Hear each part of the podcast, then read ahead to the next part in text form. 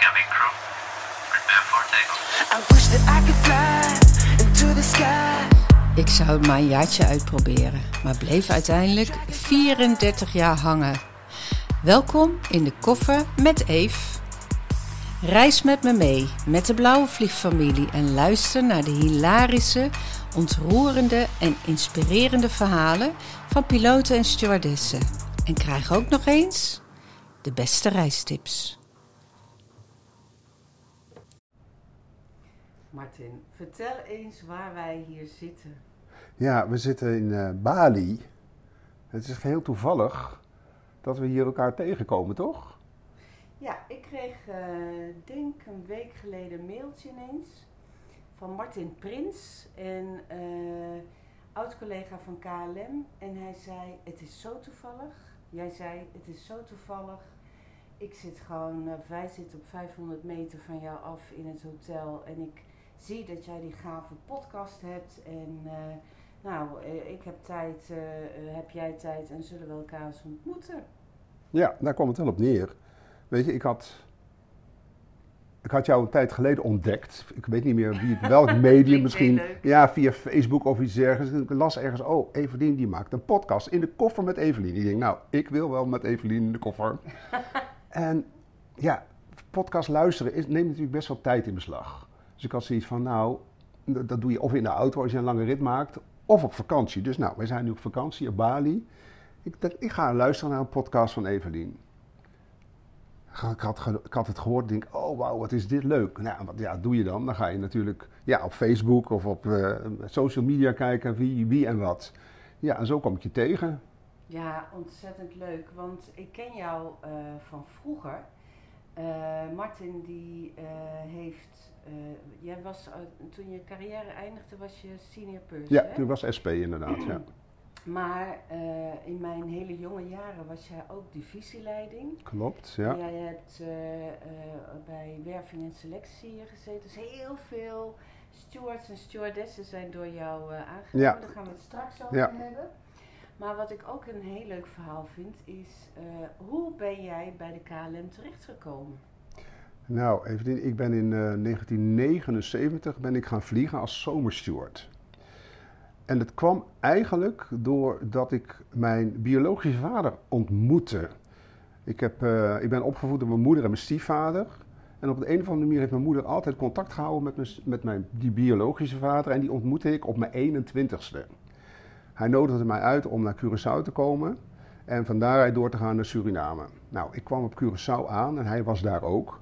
Maar hij was heel erg bekend. Hij had heel veel vrienden en vriendinnen bij de SLM, Surinaamse Luchtvaartmaatschappij. Oh ja. En zij slipte, ze logeerde toen in het eh, voormalige Arthur Frommer Hotel. Dat ligt tegenover het Hilton Hotel, waar KLM altijd slipte. En ze hadden me uitgenodigd voor een feestje. En ik had geen idee. Ik was zo groen als gras. En ze hadden het iedere keer over feestjes in Miami, feestjes in New York. en op dat moment hadden ze, nou, was er een feestje op Curaçao. Ik denk, jee, wat is dit leuk. Dit wil ik ook wel. Ja, ja. Ik zat op de Pedagogische Academie op dat moment. En eh, ik had zoiets van, joh, ik ga eens kijken wat dat, wat ik kan, wat dat kan gebeuren met de, bij de KLM. Dus ik ben eh, naar het arbeidsbureau gestapt. Het arbeidsbureau, mind you. ja. Ik zeg van, hoe kan ik bij de KLM terechtkomen? Nou, dat wisten zij ook niet. Dus zij hebben gebeld met de KLM en op een gegeven moment kregen ze bericht van, eh, van mevrouw Van S van de KLM. Ja, de- beroemde mevrouw- oudere- ja. ja, ja. En eh, er komt een advertentie, dan en dan in de krant, daar moet hij dan maar op solliciteren. Nou, dat heb ik gedaan. Ja, en van het een kwam het ander. En eh, ja, toen mocht ik in maart 79 mocht ik op cursus. Nou, de beste tijd van mijn leven geworden daarna, ja. Ja, want als jij eh, niet je biologische vader had ontmoet, wat, wat was je plan dan? Of had je geen plan? Of... Nou, ik had eigenlijk geen plan, weet je. Ik, eh, ik zat op de PA, omdat mijn moeder en mijn stiefvader, die, waren, die zaten allebei in het onderwijs. Dus ja, dat is eigenlijk een beetje wel logisch dat je dan een beetje in, de, in dezelfde lijn iets gaat doen. Ik maakte heel veel muziek toen, dus misschien dat ik wel ja, muzikant was geworden. Ik weet niet, ik had geen, ik had geen plan. Het enige wat, eh, wat, ik, wat ik wel wist, ja, ik moet iets doen. En nou goed, het maakte eigenlijk niet uit wat. Ja, ja, ja. Ja. En kan je een beetje vertellen over hoe dat dan in het begin was? Want 1979, eh, zonder internet, zonder mobieltjes. Eh, hoe zag, hoe zag zo'n, als je een maand eh, KLM zou beschrijven, hoe, hoe zag dat er dan uit? Hoe kreeg je je schema? Hoe was dat met de crew? Waar ging je dan naartoe en hoe lang? En, Ja, nou het varieerde heel, de lengte varieerde heel erg. Maar je schema die kwam gewoon eh, via de post. Je kreeg gewoon één keer in de week kreeg je, een, eh, kreeg je, je schema eh, toegezonden over de post. Ja, en dat was altijd een heel erg groot feest. Oh, die brief, er kwam die witte envelop kwam weer, die maakte je open. Waar ga ik naartoe? En we hadden, ja, je mocht wel wat aanvragen, maar een verzoekensysteem hadden we gewoon niet. Weet je, je werd gewoon ingedeeld. En als je het een keertje heel erg leuk eh, met je een hele leuke indeler had, dan mocht je wel eens vragen: joh, kan ik een keer naar het Verre Oosten? Nou, dat dan deden ze dat wel. Maar voor de rest, joh, je werd gewoon ergens naartoe gestuurd. En dat, en dat was het. Ja, en dan ging je naar Schiphol met de trein. Ik ging met de trein eh, naar Schiphol. Ja, je, haalde je, je meldde je aan, je haalde je daggeld. Ging je brieven, wat, wat nu nog steeds natuurlijk allemaal zo is. En dan, dan zag je wel. En als je, ik stuurde kaartjes naar huis en naar mijn oma. Ik stuurde altijd Ja, ja, kaartjes ja, naar mijn oma. Weet je, dus ja, wat dat betreft. eh, en eh, ja, een, een paar, een paar jaar later had je natuurlijk de fax. Dan kon je met de fax eh, contact houden met, met de rest van de familie of degene die een fax hadden. ja, dat, was, dat waren echt hele andere tijden. Hè? Je was echt los uit Nederland. Je was echt helemaal weg en los uit Nederland. Ja, want Ja. telefoneren, dat deed, je, dat deed je sowieso niet, want dat was onbetaalbaar. Weet je, dus je ging en op een gegeven moment was je weer thuis. Ja, En dan ging je weer naar huis. dan ging je weer naar huis en de volgende keer had je weer een andere crew. Ja. En wat er ook gebeurde, soms had je, als je dan op de, op de juiste dag thuis kwam, in het bemanningscentrum lag een boek. Een heel groot dik boek en daar stonden alle schema's in. Dus als je echt heel erg benieuwd was wanneer je dan weer mocht vliegen, ging je in dat boek, ging je je- jouw eigen schema opzoeken. En dan zei oh, nou wist je al, voordat je thuis was, Oh. wist je al hè, waar je naartoe ging bij je volgende reis. Maar als je, ehm, als je op maandag thuis kwam bijvoorbeeld, ja, dan kon je dat niet zien, dan moest je de post afwachten. Ja, ja, ja. Dus dat maakte het altijd wel heel erg spannend. Ja, ja. dat was toch wel heel anders. En nu kun je alles googelen en Ja. opzoeken. En vroeger was het echt een eh groot avontuur. Ja, dat zeker weten. Je Ja. kon ook geen bemanningsleden op Facebook vinden. Of wat voor type is het. Of met wie ga ik. Nee. Wat tegenwoordig ook heel veel mensen doen. Nee, je had echt geen idee wat dat betreft. Nee. Maar jij begon dus als steward. Ehm, je hebt carrière gemaakt. Je werd eh, twee, twee banden. Je werkt in de business Ja, class, ik, nou, ik heb eigenlijk het tweebandenschap heb ik bijna overgeslagen. Ik heb, eh, z- even heel kort, ik heb vijf zomers gevlogen. Omdat ik wel mijn pedagogische academie heb afgemaakt. Ik heb ook zelfs nog een eh, blauwe maandag voor de klas gestaan. Oh, Maar dat, was, eh, maar dat was uiteindelijk niet mijn ding. Daar was ik al heel snel achter dat ik dat niet moest doen. Ja. Het vliegen was echt wel, eh, echt wel op mijn lijf geschreven. En ik had al gelijk in de, aan de allereerste basiscursus in 1979, toen was er zo'n eindgesprek, er was een purser.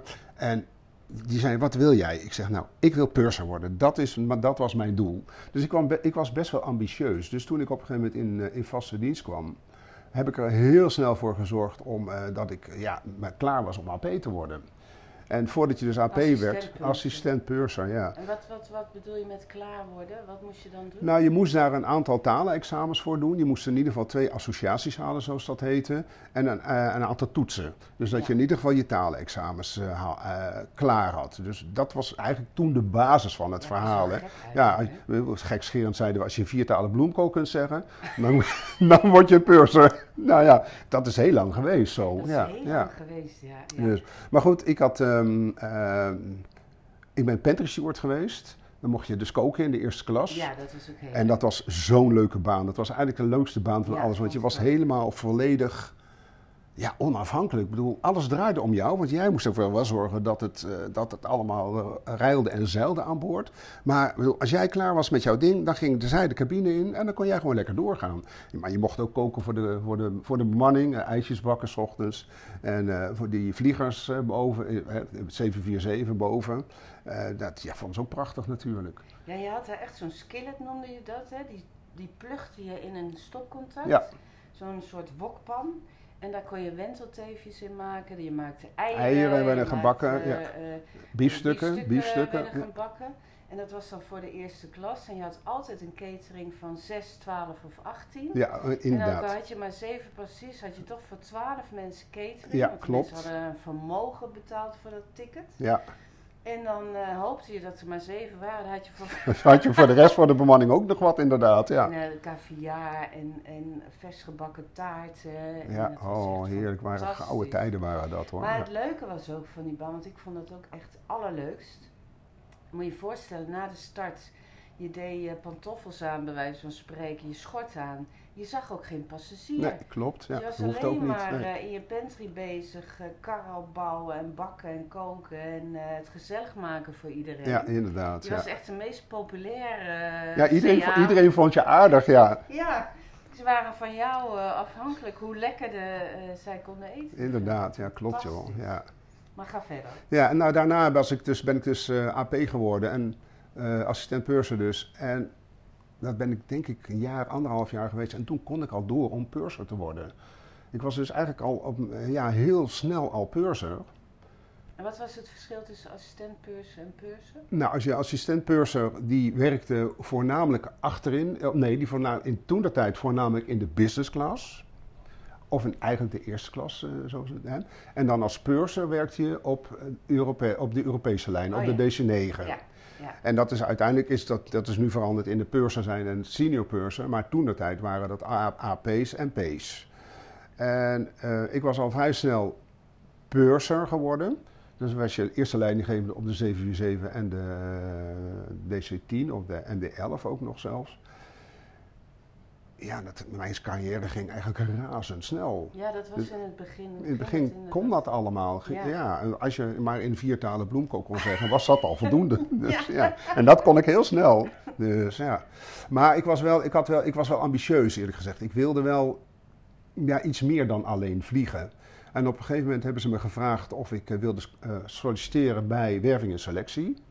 Ik had daarvoor wel eens gesolliciteerd bij, eh, bij opleiding, omdat ik natuurlijk ook ehm, eh, onderwijzersakte heb, of had.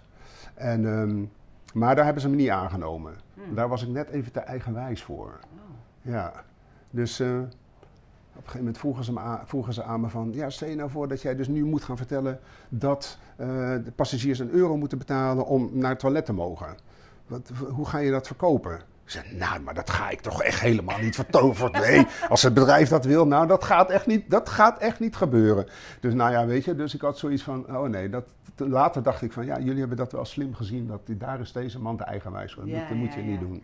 Maar goed, je bent bij werving en selectie. En daar moet je ook aan het plaatje. Je moet zorgen dat het. Of is dat niet zo? Dat, Nou, weet je, bij werving en selectie werkt dat toch net even iets anders. Wij hadden de opdracht natuurlijk om cabinepersoneel aan te nemen. ja. En we hoefden geen vriendjes of vriendinnetjes aan te nemen. Daar, Nee. Weet je, om, om even zo gekscherend te zeggen. We moesten gewoon goede en hardwerkende collega's moesten we selecteren. En er was een hele duidelijke opdracht hoorde daarbij. Ehm, onze, mijn leidinggevende toen, Willeke, die had echt tegen me gezegd van Martin, als er nou iemand bij je aan tafel zit die je fantastisch vindt, gelijk vanaf het eerste moment vind je die hartstikke leuk. Dan moet je dus echt eens even gaan zoeken naar wat mindere punten van die persoon. En andersom ook. Je moet iemand, als iemand aan tafel zit waarvan je gelijk denkt, nou, jou moet ik helemaal niet. Ga dan eens even op zoek naar de betere eigenschappen van die persoon. Weet je, ik vond dat eigenlijk wel een heel goed uitgangspunt. Want cabinepersoneel, die hebben eigenschappen die elkaar gewoon bijten. Weet je, aan de ene kant moet je heel dienstbaar zijn. Maar aan de andere kant ja, moet je ook gewoon wel op je strepen kunnen staan, letterlijk en figuurlijk. Weet je, je moet ehm, als individu heel goed kunnen functioneren. Maar aan de andere kant moet je dus ook weer heel goed in de groep kunnen functioneren. Omdat we natuurlijk wel als team moeten werken. Weet je, aan de ene kant moet je heel lief en aardig zijn. Maar als het nodig is, moet je gewoon zeggen, nou, tot hier en niet verder. Weet je, dus we hadden, dat was echt wel iets waar, waar, we heel bewust naar zochten. Naar mensen met, met al die verschillende eigenschappen. En je moest natuurlijk ook wel, ja, hoe dan ook, sterk in je schoenen staan. Want ja, de wereld eh, van het cabinepersoneel. ehm, ja, aan de ene kant is het een heel luxe leven. Maar aan de andere kant, ja, moet je ook wel een beetje down to earth blijven. Weet je, Nou ja, dus ja. Je bent ook vuilnisman en je moet ook de trots, ja, ja, nou, ja, zo, opruimen en eh, dronken mensen eh, overeind helpen Ja. en eh, dat soort dingen. ja, klopt, ja. Wat ehm, hè, dit- het beeld van een steward of een stewardess met name, dat is soms niet heel positief. Hè? Als koffiejuffrouw in de lucht, heb Ja. vroeger ook wel eens. Ja, je. inderdaad. Ja. Wat, wat, ehm, als mensen dat tegen jou zeggen, wat zeg je dan? Ik zeg, ja, weet je, deze, dat idee heb je misschien dan wel. En alles wat je over KLM stewardess of over stewardess in zijn algemeenheid hoort, is ongetwijfeld waar. Maar als er ooit een keer de nood aan de man komt, dan is het wel die juffrouw of die jongeman hè, die jou, eh, die ervoor zorgt dat jij hoogstwaarschijnlijk levend uit het vliegtuig komt. Weet je, die alle calamiteiten van jou oplost. Die ook in staat is om iemand indien nodig in de boeien te slaan. Weet je, dan staat er zo'n poppetje, maatje, eh, maatje eh, 36, hè, met z'n tweeën. Hè, en die slaan dan een man van weet ik veel hoeveel honderd kilo, eh, nou dat is een beetje overdreven. Maar eh, die kunnen een man in de boeien slaan, indien nodig. En dan is het wel heel fijn dat deze mensen gewoon heel goed getraind en opgeleid zijn. Ja, ja. ja, ik denk dat dat inderdaad toch wel het onderscheidende vermogen is van eh, KLM, cabinepersoneel, vergeleken met eh, andere maatschappijen. Nou, inderdaad. Weet je, ik kan me wel voorstellen als je ja, die maatschappijen hebt, echt die low carriers, die low budget maatschappijen, ook bam, bam, bam, heel snel vervoeren hè, tegen, tegen, tegen minimale prijzen. Ja, het gaat wel ten koste van kwaliteit, maar ook van, van opleidingen, denk ik. Ik denk dat, het, weet je, dat de basis van het verhaal daar toch constant in ligt. Hè, mensen blijven trainen, blijven ontwikkelen, noem maar op. Heb je ook wel eens tijdens werving en selectie iemand aan tafel gehad dat je dacht, meid, hoe haal je het in je hoofd om hier überhaupt naartoe te komen? Ja, ja, inderdaad. Heb ik wel eens meegemaakt. Ehm, maar dan nog was het de opdrachten die we hadden van... eh, kijk eens even, naar- probeer ook de goede positieve ka- kanten van iemand te vinden. En ja, weet je, ieder mens heeft wel, heeft wel iets leuks. Ja. Hoe dan ook. Weet je, ik heb ook eens een keer een heel klein, heel klein meisje gehad. Het, het kwam uit België.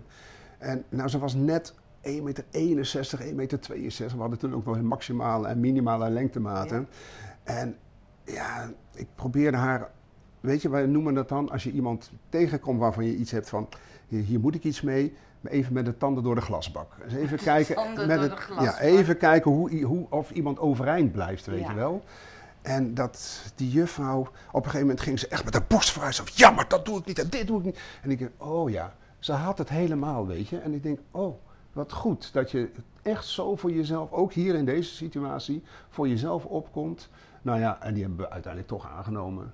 Ja. weet je, en dat aannemen, dat, bedoel, dat klinkt dan heel dramatisch, maar dat doe je niet nooit in je eentje. Weet je, je bent altijd met het team, het team van werving en selectie, die daar met z'n allen gezamenlijk een beslissing over nemen.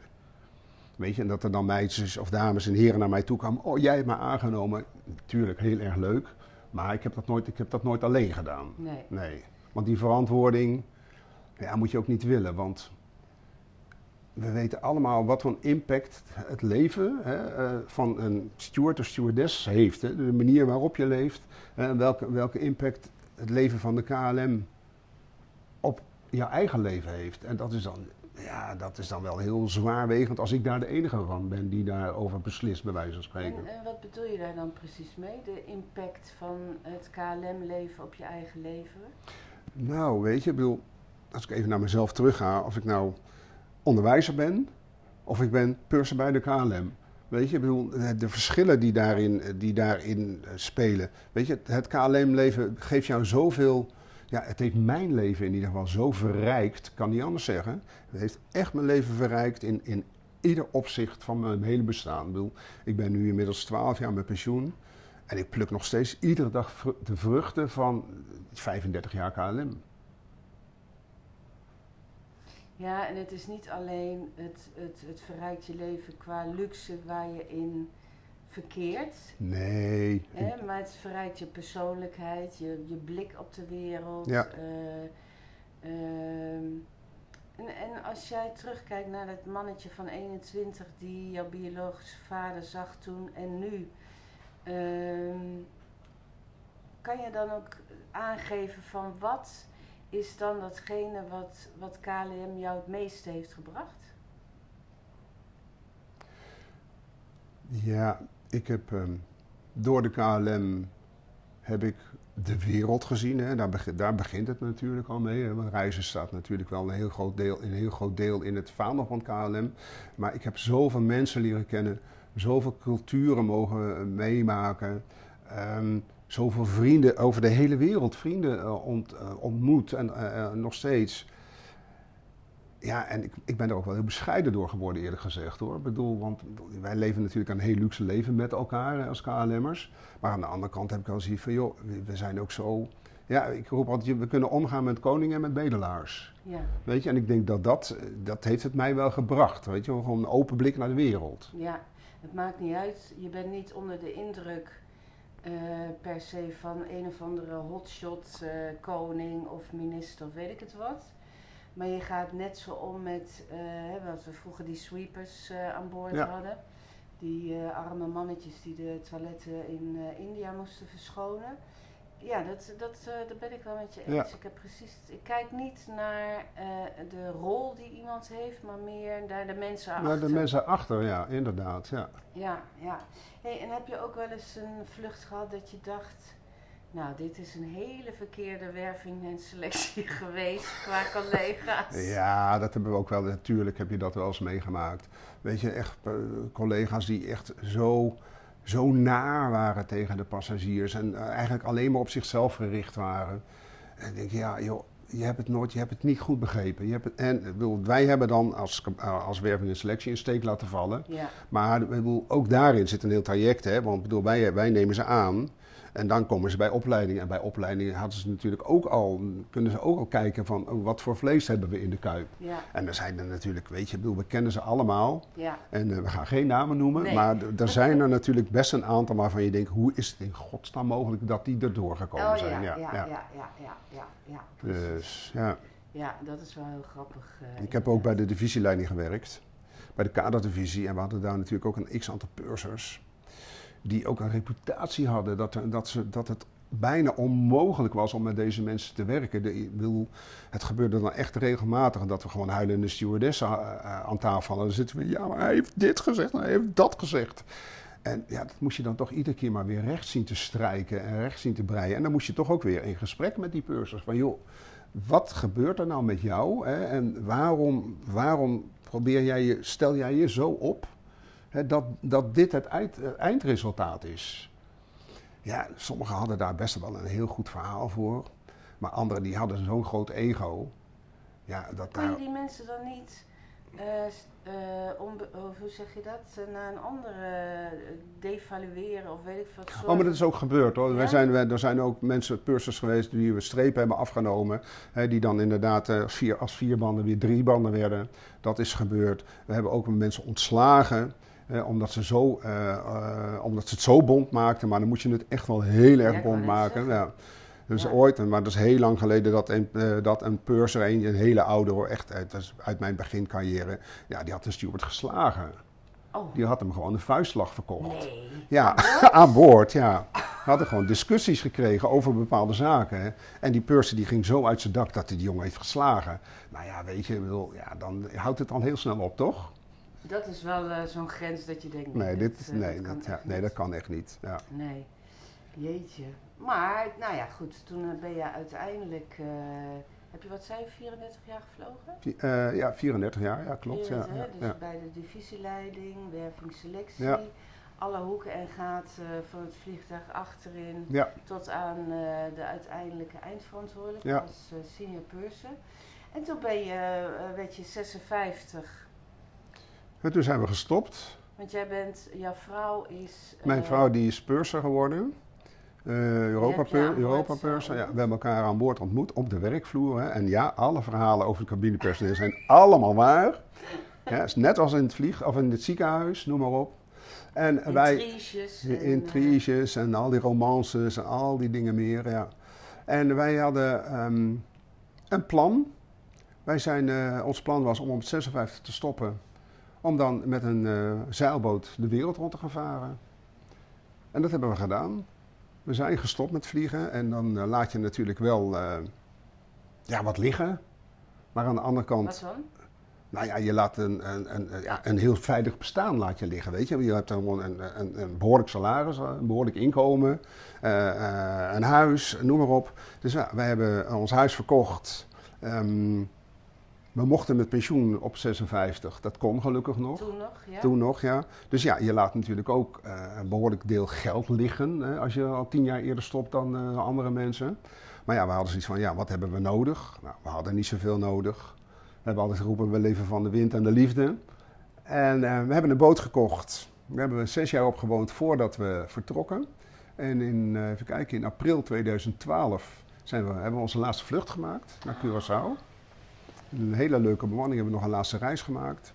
En op eh 12, 6, 12, 12 juni 19, nee, eh, 2012, om 12 uur s middags, 12, 6, 12, om 12 uur s middags zijn we met onze boot vertrokken. Van Vanuit Enkhuizen naar? Ehm, nou, eerst naar Amsterdam. maar ons eerste doel was eh, Londen. We zijn, ons eerste doel, we hebben, ge- we hebben gezegd, we gaan twee weken lang gaan we, eh, een beetje naar Londen. We gaan daar vandaan en van daar, officieel vertrekken we van daaruit. Nou, dat hebben we gedaan. En we zijn al- alles bij elkaar zijn we tien jaar onderweg geweest. Jeetje. Voordat we weer terugkwamen in, eh, in, in Nederland. Tussentijd zijn we natuurlijk wel met het vliegtuig terug geweest. Maar voordat we ons weer definitief in Nederland hebben ge- gevestigd, waren we tien jaar verder. Maar heel even, hè. Ehm, jij, eh, jullie vliegen allebei en op een gegeven moment had je een, een droom om met de boot de wereld over te gaan varen. Ja. En had jij dan, als kind zat je dan continu alle bootjes te varen en te doen? Nee hoor, weet je, ik, was, ik hield wel van bootjes. Ik heb eh, in mijn vorige leven en in het leven met Ellen eh, huurden we af en toe wel eens een motorboot. En dat was gewoon heel erg hartstikke leuk. En ik heb ook mijn vaarbewijs gehaald. Weet je, gewoon puur ook als tijdverdrijf. Gewoon om, omdat, omdat dat leuk is. En op een gegeven moment met Ellen nou, huurden we ook regelmatig motorboten. Zegt ze op een gegeven moment tegen mij van... joh, laten we een keertje naar Griekenland gaan. Gaan we daar, gaan we daar lekker varen, Griekse zei, nou heer, dat gaan we doen. Nou ja, wil jij een motorboot huren in Griekenland, is onbetaalbaar. Maar in mijn speurtocht naar boten kwam ik heel veel zeilboten tegen. Dus ik zeg, weet je, we gaan een zeilboot huren, daar zit ook een motor in. En we komen overal. Ik zeg, maar ik wil dan wel weten waar het over gaat. Dus we hebben weekend zeilles genomen. En aan het einde van het weekend had ik zoiets van met een heel klein open bootje was dat. Ik zeg, nou, ik begrijp het wel. Ik begrijp wel waar het over gaat. Ik kon ook wel een beetje windsurfen. Dus wat dat betreft, dat gaat wel goed komen. Dus wij, wij naar Griekenland. En eh, daar een boot gehuurd, een Bavaria 35 Holiday. Ik vergeet het nooit meer. Dat ding was ongeveer 10 meter. Dus wij komen daaraan in die haven in Lefkas. En ik zie die boot daar liggen. Ik denk, oh mijn god, wat is dit een enorm schip. En hoe moeten we hier ooit mee, moeten we hier ooit mee wegkomen? Dus, eh, en we zouden met een flottille mee. En die flottilleleider zei, joh, ga lekker varen. En morgen, morgen vertrekken we met z'n allen en dan zie maar. Dus nou, wij, goed, wij eh, die met die boot eh, er vandoor, de zeilen eruit gerold en die motor uitgezet. En vanaf dat moment, toen die zeilen eruit waren en de motors, had ik zoiets van, jee, wat is dit leuk. Dit is echt een spelletje. Hmm. Gelukkig heeft het die vakantie niet harder gewaaid dan windkracht 3, want ik weet niet wat er, eh, hoe het anders was afgelopen. Maar we waren wel helemaal op dat moment helemaal ehm, Verkocht. verkocht aan zeilen. Dus we zijn toen lid geworden van de KLM Zeilvereniging.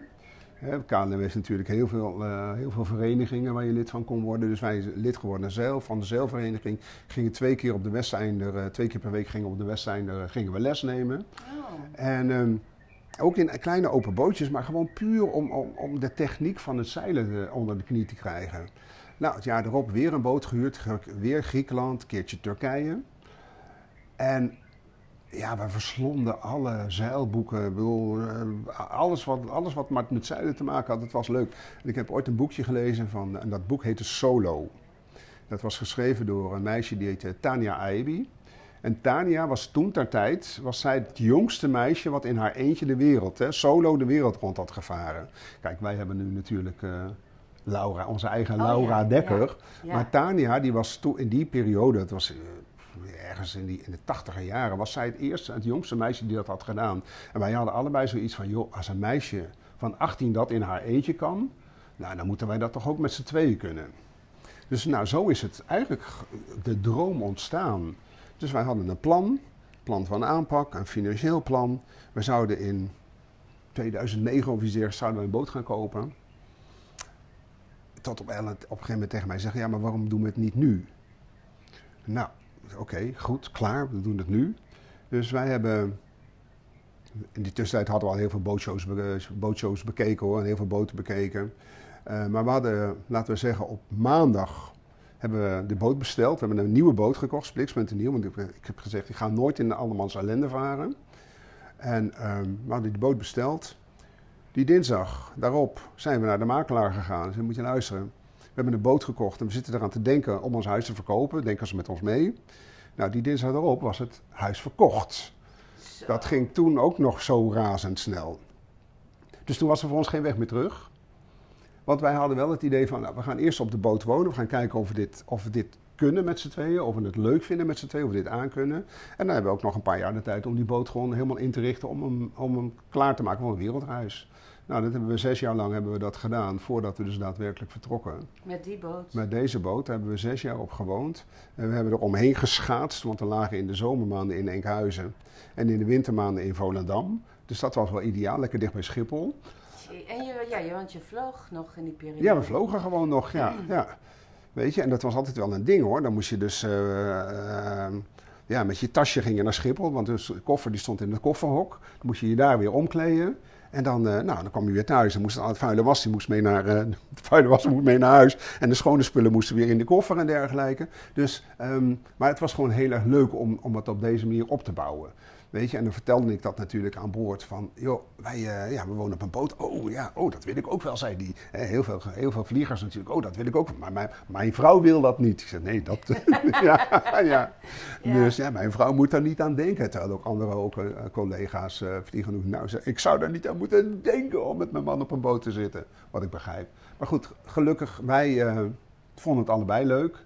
We hebben gelukkig ook geen lange tenen met naar elkaar toe. Want je zit natuurlijk wel in een hele kleine, hele kleine ruimte hè, met z'n- met z'n tweetjes. Oh, ik, ik vind het echt. Ja, als je dan de vergelijking maakt met aan boord dat je zo'n kleine pantry hebt. waar je tien jaar met elkaar om elkaar heen ja, te ja, draaien. ja, ja, ja. Want Elle vertelde gisteren of zo ook dat er is op een boot ook altijd iets kapot. Of dat het niet doet, of dat het gerepareerd moet worden. En je zit midden op zee. Ja. Het lijkt ontzettend romantisch. Ja.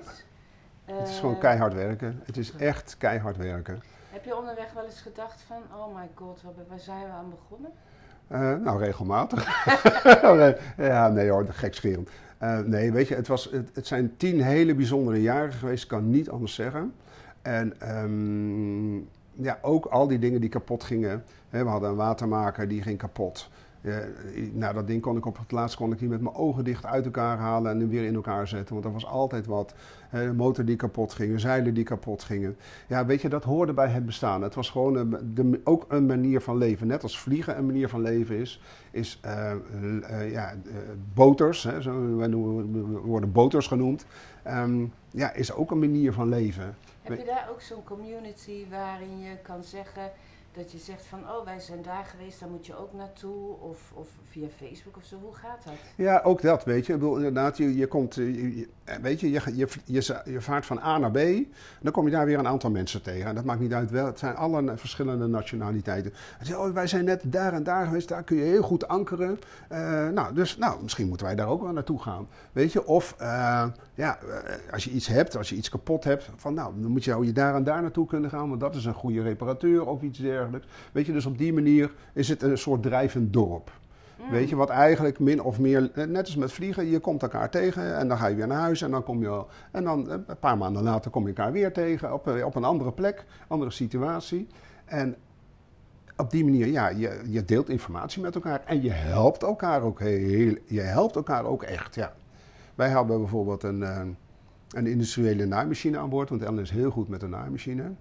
En eh, als er dan eh, zeilcollega's waren ja, die iets kapot hadden aan een zeil of aan eh, wat dan ook. Nou, ze kom maar hier, ik repareer het wel voor je, want wij kan dat. Terwijl weer anderen die, ja, oh, heb je een probleem met je motor? Nou, ik ben heel goed met motoren. Nou, ik was heel goed met watermakers. Dat was ik, daar was ik heel goed. En ook met koelkasten. Want ik, koelkasten, dat is ook zo'n drama verhaal.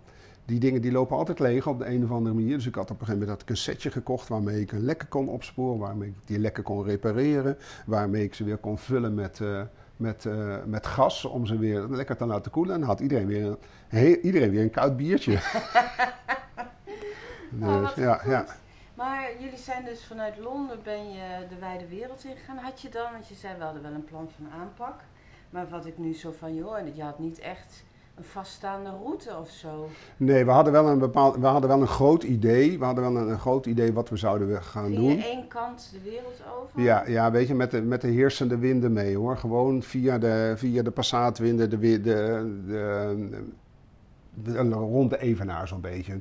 Maar we zijn ook in... eh, eh, mijn eerste, eerste doel was eigenlijk naar Suriname. Want ik had mijn vader, eh, mijn biologische vader... heb ik ooit beloofd dat ik met mijn eigen bootje in de Suriname-rivier zou liggen. En dat heb ik... nou, dat is, is gelukt. Hij heeft het Ah. helaas zelf niet meegemaakt. Ah. Maar wij zijn toen zes weken in Suriname geweest. Ja, en dat was zo bijzonder. Dat was echt zo erg leuk. Mijn moeder is toen ook nog overgekomen. En eh, we hebben daar echt hele trips in het binnenland gemaakt en dergelijke. Ik bedoel, tripjes, hè, normaliter als we daar met de KLM waren. Ja, dan deed je ook wel eens wat tripjes, maar altijd kort natuurlijk. Ja, want je bestond daar niet zo Nee, lang. je stond daar nooit zo lang. Dus ik had nu, we hadden nu zes weken de tijd. En ja, dat was, het was fantastisch. Maar op een gegeven moment hadden ze van, nou oké, we Suriname. Oh, nu moeten we naar het carnaval in Trinidad. Dus nou goed, wij naar Trinidad. Weet je, daar kom je dan ook weer collega's tegen. En zo hebben we, eh, we zijn drie jaar door het Caribisch gebied hebben we, zijn we, eh, hebben we Gezworven. zeg maar. En toen op een gegeven moment had hij, weet je, we gaan nu naar Amerika. En ehm, nou, we zijn eh, via eh, Jamaica, Cuba, Mexico zijn we uiteindelijk bij Key West terechtgekomen. We hebben een heel stuk langs de Amerikaanse oostkust zijn we omhoog gevaren. We hebben in, eh, in Washington hebben we gelegen, Washington DC. Echt gewoon, gaaf. ja, daar in, de- in, in de, nou ja, met onze eigen fietsjes eh, bij het Witte Huis gestaan. En uiteindelijk zijn we, in, eh, zijn we ook in New York geweest met de boot. Daar hebben we drie weken achter het vrijheidsbeeld gelegen in een heel klein kommetje. Dat is de goedkoopste vakantie die ik ooit heb gehad hoor. Echt? Ja, ik bedoel, New York is natuurlijk onbetaalbaar.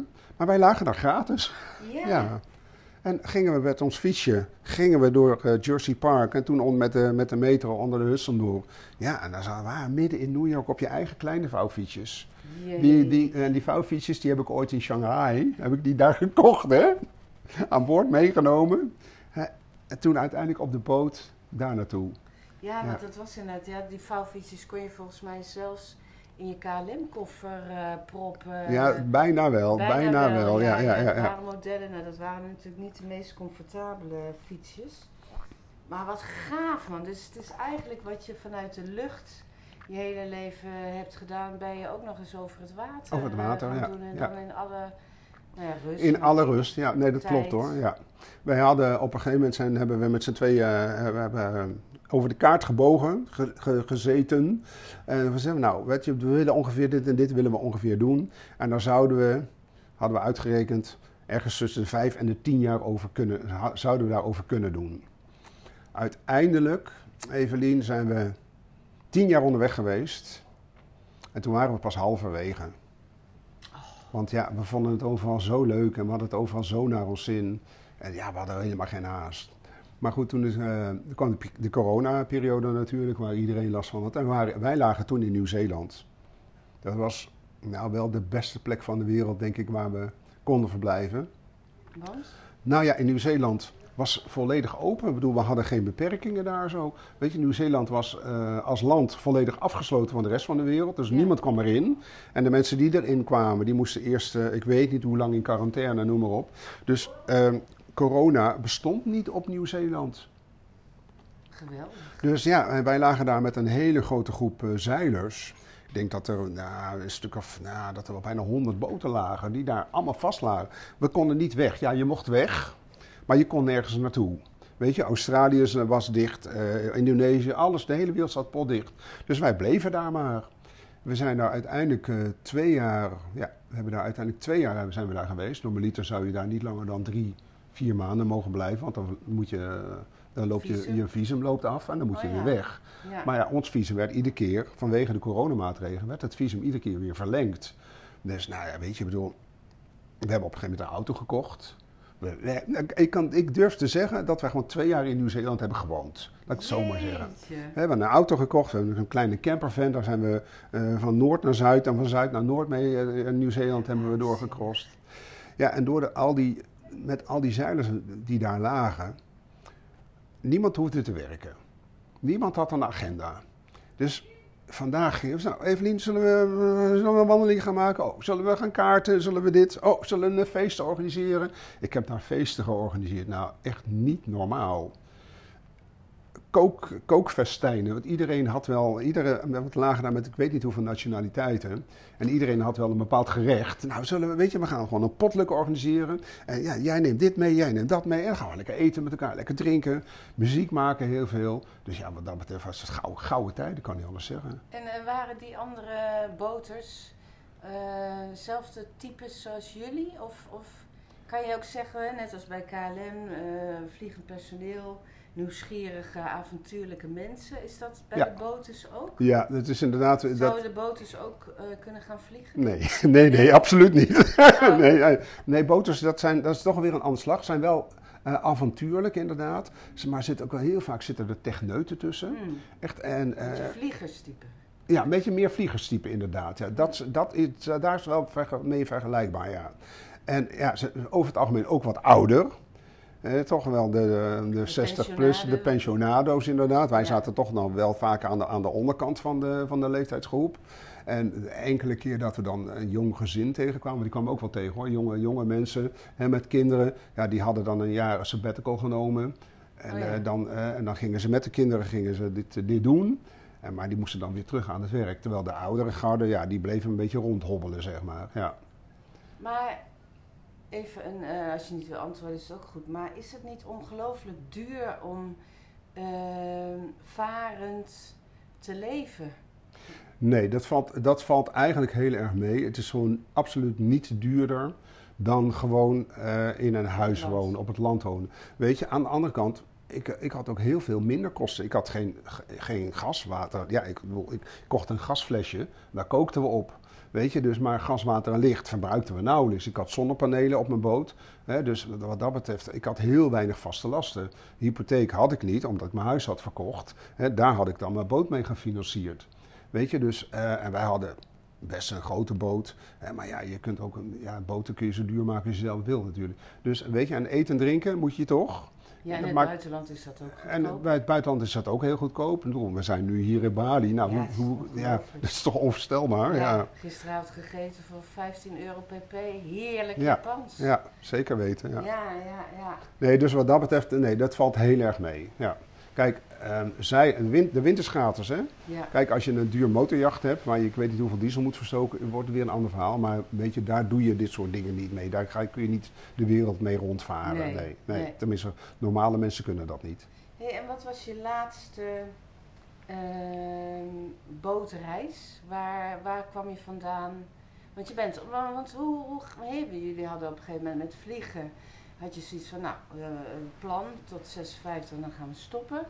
Dan ga je tien jaar varen. Maar wanneer ontstond dat idee van, nou, we zijn er nu eigenlijk, is, is, begint dit ook af te lopen, dit avontuur? Ja. Nou, dat is bij mij, eh, bij mij is dat begonnen toen we, wij hebben ooit, ooit op, een, op een rif gelegen. We zijn eh, eh, door verkeerde omstandigheden zijn we op een rif eh, terechtgekomen, waardoor onze hoer is afgebroken. En we lagen toen eh, ja, twee dagen varen van de bewoonde wereld.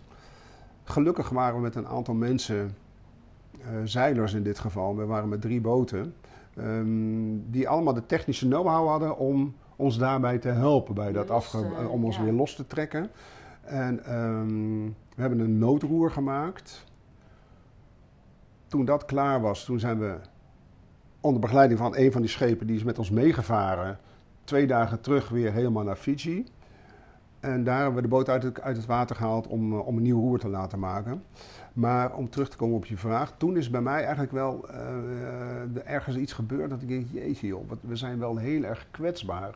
Met z'n tweeën hier op het water. En ehm, het, natuurlijk, het was gewoon één groot avontuur. Maar daar, dat heeft bij mij wel eh, ingezet om te zeggen van nou, misschien moet ik weer eens wat anders doen. En ik werd op een gegeven moment ook wel een beetje moe van iedere keer weer die reparaties uitvoeren. Iedere keer weer eh, dit, kap- dit kapot, dat kapot, zus kapot, zo kapot. En wat er ook bij kwam, ik had ook een bepaald verzadigingspunt bereikt. Hè? Zo van, oh ja, alweer een palmboom. Oh ja, Ja. weer op het strand wandelen. Oh, weer eh, borrelen met elkaar. Ik bedoel, dus kroeborrels, Ja. eh, die hadden we. Maar ik bedoel, zeilersborrels, die kunnen er ook wat van hoor. dus ja, ja. Weet je, dus, Ja, dus dat had ik op een gegeven moment had ik altijd zo van, joh, ik, ik, ik vond, ja, een beetje, ik word er een beetje moe van. En wat ik ook heb, En dat heeft Ellen minder, maar wat ik, ik hecht me heel erg snel aan mensen. Mhm. En dat is net als met vliegen. Je komt, je, je komt elkaar tegen. En het is heel vluchtig en je gaat, op sommige momenten ga je heel diep met elkaar. Ja, en dan ga je weer allemaal je eigen weg. En ja, dat, dat, dat, dat vond ik steeds moeilijker worden eigenlijk. Mhm. Dus toen op een gegeven moment, eh, toen na, in die twee jaar tijd in Nieuw-Zeeland, want dan lig je dus eigenlijk met een hele grote community, lig je daar stil. En we hadden, ik had gewoon hele leuke vrienden waar ik muziek mee maakte, waar we dingen mee deden. En ja, op een gegeven moment was zoiets van, ja, maar misschien moeten we, want dit is ook eindig. Ja. Hè? En eh, waar deze mensen gaan straks allemaal weer hun eigen weg. En ik zeg tegen Elven, misschien moeten we gewoon stoppen. Misschien is het nu tijd om ehm, te stoppen, want ja, wo- wordt het leuk, leuker dan dit, wordt het denk ik ook niet. Nee. Dus, nou ja, en dat natuurlijk, daar, daar, daar ga je over nadenken. En ja, op een gegeven moment hebben we allebei gezegd, het is goed zo, we stoppen. Klaar, we verkopen de boot. En we zien het wel. Nou ja, en dat die boot verkopen, ja, net zoals we, hem- zoals we hem hadden gekocht, was die ook binnen de week verkocht. Weet je, want Nieuw-Zeeland heeft eh, geen eigen botenmarkt. Nieuw-Zeeland zat, zat op slot, dus er kwamen ook geen boten binnen. Dus de Nieuw-Zeelanders die een boot wilden kopen, ja, die stonden allemaal te popelen. Ze van, oh, daar komt een boot. Nou, die is dan voor mij. Dus zo echt binnen de kortste keren. En had je niet van, nou, we blijven in Nieuw-Zeeland wonen? Of wilde je, was het gelijk duidelijk Nou, dat je terug wilde naar Nederland? Nee, nee, nou, nou, weet je, dat was best een optie. Voor ons was het best een optie geweest. Maar ja, je, je kunt niet zomaar in Nieuw-Zeeland gaan wonen. Nee, Nee. je moet een zak met geld Je moet meenemen. echt een zak met geld meenemen. Of je moet inderdaad jong zijn en een eh, beroep uitoefenen eh, wat ze daar nodig hebben. Nou, Ja. en dat hadden wij niet. We waren niet meer jong. En een zak met geld hadden we niet meer, al lang niet meer. Dus, dus we zijn gewoon weer teruggegaan naar Nederland. Weet je, ook omdat we kinderen hebben en kleinkinderen. Weet je, dat hoort er allemaal bij. En ehm, nu is het wel zo van... Kijk, Nederlands is voor ons ook geen heilig moeten. Hè. Het kan best zo zijn dat we over een jaar of vier, vijf, zes zeggen van... Weet je, misschien gaan we naar Spanje of Portugal, wherever. Weet je, zolang we jong, eh, jong en gezond zijn. Ja. ja, ja. Kan- alles is mogelijk wat dat Tuurlijk. betreft, ja. Ja, En weet je, maar ik geniet nu zo van het Nederlandse leven. ja want En- je bent in Friesland beland. We zijn in Friesland, ja, we wonen in Friesland in een heel klein dorpje. Dat heet Pinjum. Of all places, mijn dochter zegt altijd van pap. Of all places in the world ben je in Pinjum terechtgekomen. En ik heb altijd geroepen, ik wil niet doodgevonden worden in Pinjum. Mijn moeder heeft daar 25 jaar gewoond. En ik vond het zo'n saai dorp, echt vreselijk. Het is altijd zondag daar zo. En het is eigenlijk nog steeds wel hoor, maar eh, er kan wel heel veel in Pinjum. Dus, ehm, maar je moet zelf organiseren. Nou, en dat organiseren, dat kan ik vrij goed. Dus ik organiseer allerlei eh, muzikale activiteiten. We hebben, een, we hebben zelfs een popfestival bij ons in het dorp. Er wonen 700 mensen, maar we hebben echt een heus popfestival. Wanneer is die? Eh, op eh, 1 juni dit jaar. Pinkfest heet het. Pinkfest. Pinkfest. En Geen hoe pink- heet je band? eh, mijn band die heet CC. Dat is een band die, uit, eh, die komt uit Eilst. En wij maken jazzy, eh, hele lekkere jazzy muziek. Heb je ook een website? Eh ccmusic.nl En dan cecemusic.nl E C-E-C-E-music.nl Ja, dat is de website van, eh, van mijn Leuk. band. Ja. En, ehm, ja, en ik heb het zo naar mijn zin. Ik heb het echt heerlijk naar mijn zin. Dus wat dat betreft is is het een hele goede stap geweest om weer terug te gaan naar Nederland. Ja. Hey, en eh, jij vertelde ook dat je eh, over de hele avontuur met tien jaar zeilen hebben jullie een blog Mhm. geschreven onderweg. ja. Kan, kunnen we daar ook nog gesteld dat mensen zeggen van oh, eigenlijk eh, heeft Martin eh, mijn eh, droom geleefd. Ik wil dat misschien ook wel. Of ik wil in ieder geval eens kijken hoe dat is gegaan. Wat is de website daarvan? Het blog heet acapella-at-c.com. acapella.c.com. Oké. Ja. Ik ga dat sowieso in de tekst bij deze podcast, eh, al die websites nog wel even eh, Leuk. opschrijven. Ja, heel leuk. Dan eh, is dat makkelijk te vinden. Hey, en tot slot, als jij ehm, zou iemand komt bij je en die zegt van nou, van al die reizen die je hebt gemaakt, ik heb geld genoeg, ik wil iets heel bijzonders doen.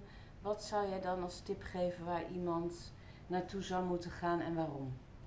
Nou, ik heb twee tips.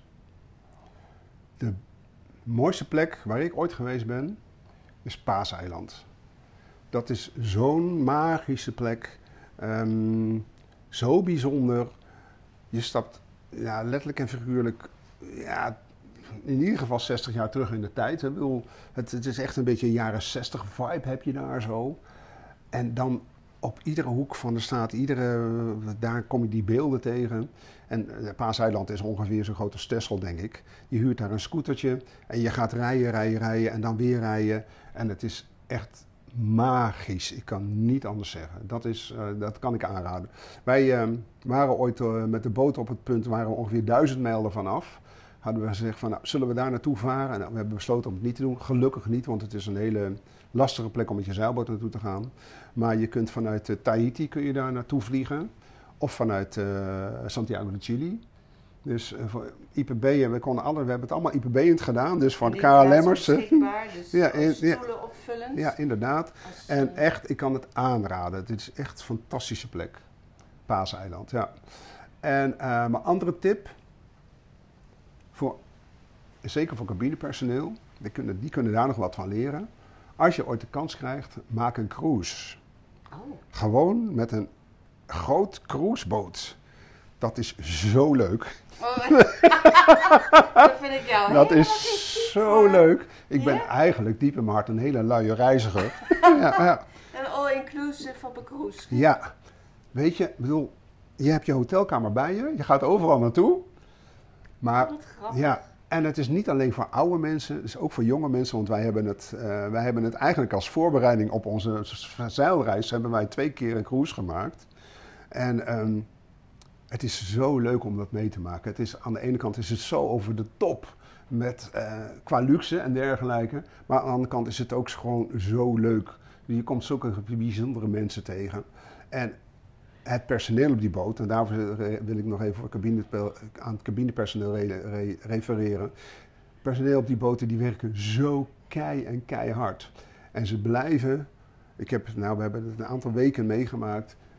Tot op de laatste seconde blijven ze even leuk, vriendelijk en aardig. En daar kan het cabinepersoneel ook nog echt wel een puntje aan zuigen hoor. Dus een cruise maken kan ik iedereen aanraden. Dankjewel. Bedankt voor het luisteren. Heb je nou zelf een gek, spannend of prachtig verhaal te delen?